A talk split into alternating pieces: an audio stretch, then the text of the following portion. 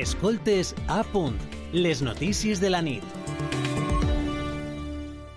No deixem els PERTE. Parlem ara, en les notícies de la nit, del PERTE de microelectrònica i semiconductors, aprovat el maig de 2022 en el Consell de Ministres.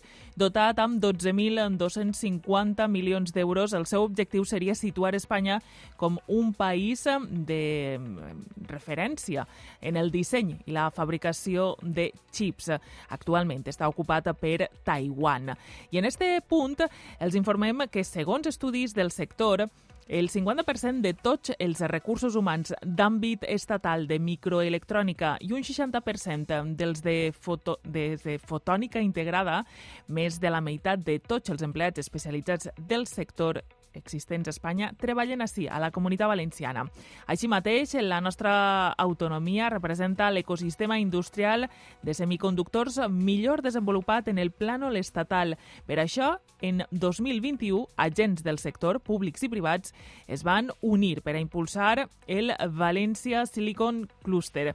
Per aprofitar este potencial, València Silicon Cluster ha promogut l'estratègia valenciana de semiconductors amb l'objectiu d'impulsar un campus internacional de xips i alhora situar València al capdavant del lideratge estatal en l'aplicació dels semiconductors i en la primera posició en la captació de fons.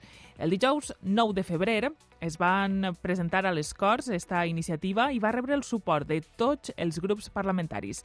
I per ampliar la informació sobre la iniciativa tenim comunicació amb Maite Bacete. Ella és presidenta de València Silicon Cluster i directora de Max Linear Hispània, una de les empreses que formen part de la plataforma empresarial i acadèmica on també trobem la Universitat de València i la Universitat Politècnica de València. Bona nit, Maite. Bona nit. Moltes gràcies. Eh, per comptar amb mi. Moltes gràcies per atendre la nostra telefonada per a informar sobre aquesta qüestió, perquè ja hem donat algun apunt, però ens agradaria saber per què es decideix per una part d'empreses i universitats crear un clúster de semiconductors i quina és la potencialitat valenciana en este sector que des de la pandèmia hem començat a posar en el mapa, el dels microchips, el dels xips i semiconductors. Doncs eh, apuntaves molt bé el teu resum que es dona la casualitat de que n'hi ha una concentració molt alta d'empreses dedicades a la microelectrònica i a la fotònica integrada així en València.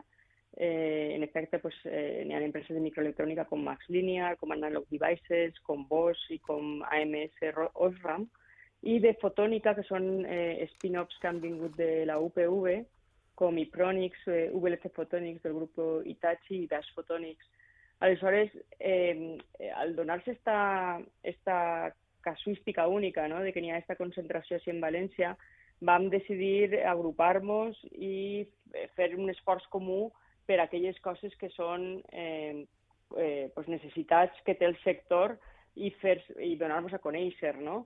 En efecte, mmm, inclús moltes autoritats no sabien d'aquesta situació tan única.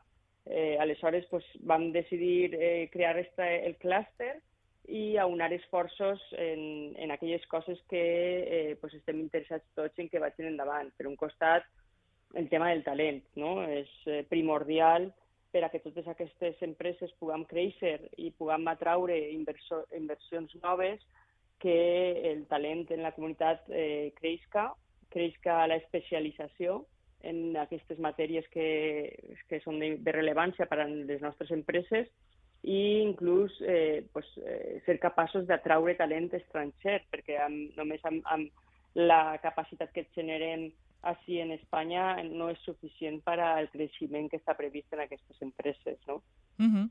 Perquè la formació és clau per al sector, un missatge que repeteixen amb freqüència en resposta a la necessitat de generar un posicionament destacat, sòlid, d'este ecosistema valencià de microchips. De fet, l'estratègia valenciana de semiconductors inclou impulsar un campus internacional. Quina és la situació d'aquest talent, d'aixòs professionals en aquests camps i quines necessitats tenen eh, com a clúster? Doncs eh, principalment eh, volem això, que es creen titulacions específiques en matèries molt concretes que actualment es donen quasi de passada en algunes de les titulacions d'enginyeria, no?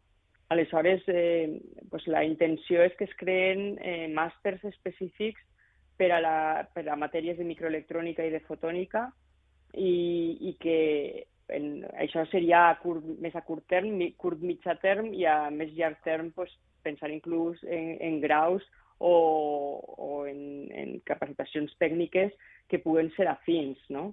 Aleshores, eh, pues, des del primer moment, des de luego, tenim el recolzament de la Universitat Tècnica de València i de la Universitat de València, amb la que ja totes les empreses que estem en el clúster venien col·laborant perquè pues, la majoria del talent que està treballant amb nosaltres eh, s'ha nutrit d'aquestes universitats i des de luego pues, tenim que treballar junts per a, per a tindre un programa de, de formació específica eh, i principalment ens interessa que siguin aquestes universitats les que, les que eh, donen aquesta formació, perquè al final eh, ens nutrim sobretot de gent que és de les universitats valencianes al estar localitzats així en València.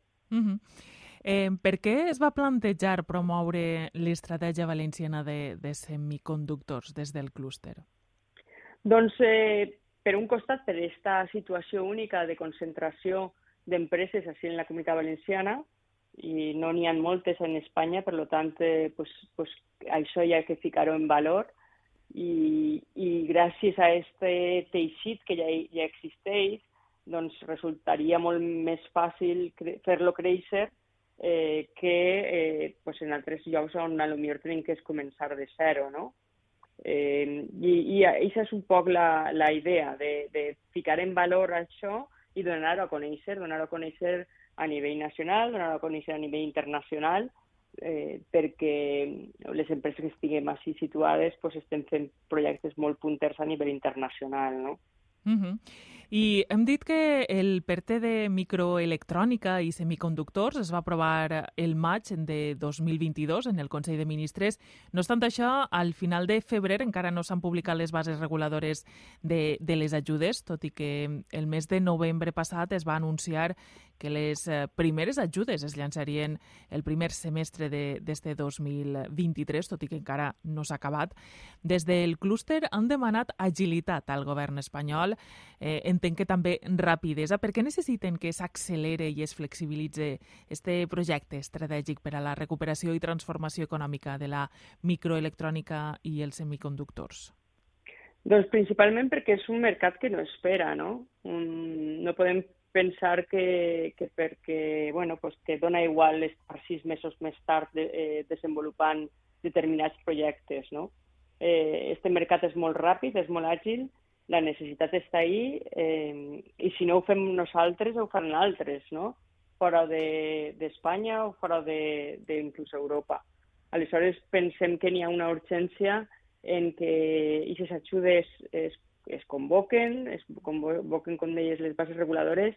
Eh, crec que encara estem a temps de que es publiquen durant este semestre i el que també esperem és que pues, els tràmits administratius i les eh, exigències de garanties i demés que es, fa, es fiquen moltes vegades en aquest tipus de pertes, després també de l'experiència que, que venen tinguent en altres pertes s'agilitzen i se flexibilitzen, no?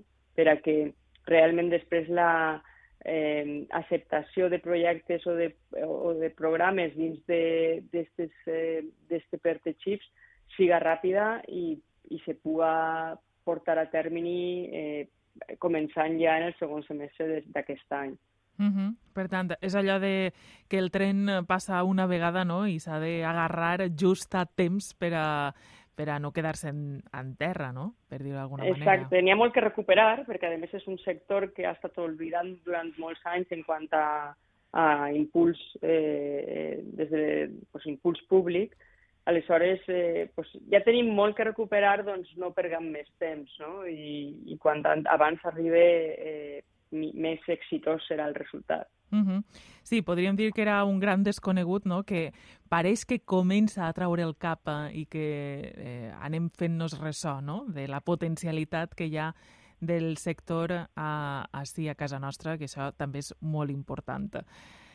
Uh, Maite Bacete, presidenta de València Silicon Cluster i directora de Max Linear Hispània, moltíssimes gràcies per haver-nos posat llum eh, sobre esta qüestió tan interessant i, i amb tanta potencialitat que tenim hacia al costat, perquè a més, eh, si no tinc mal entès, teniu eh, en el Parc Tecnològic de, de la Universitat de València la seu, de moment, i... Nosaltres en Paterna, en el Parc Paterna. Tecnològic de Paterna, sí. O sigui que esteu ben a prop de, de la seu uh, de, sí. d'Apunt. De les dues, de, uh -huh. de, de, tant de la Universitat de València com de la UPV estem molt a prop. Molt bé, molt bé.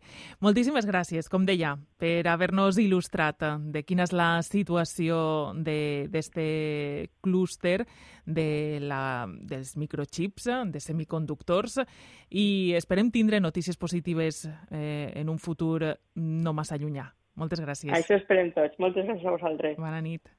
Bona nit.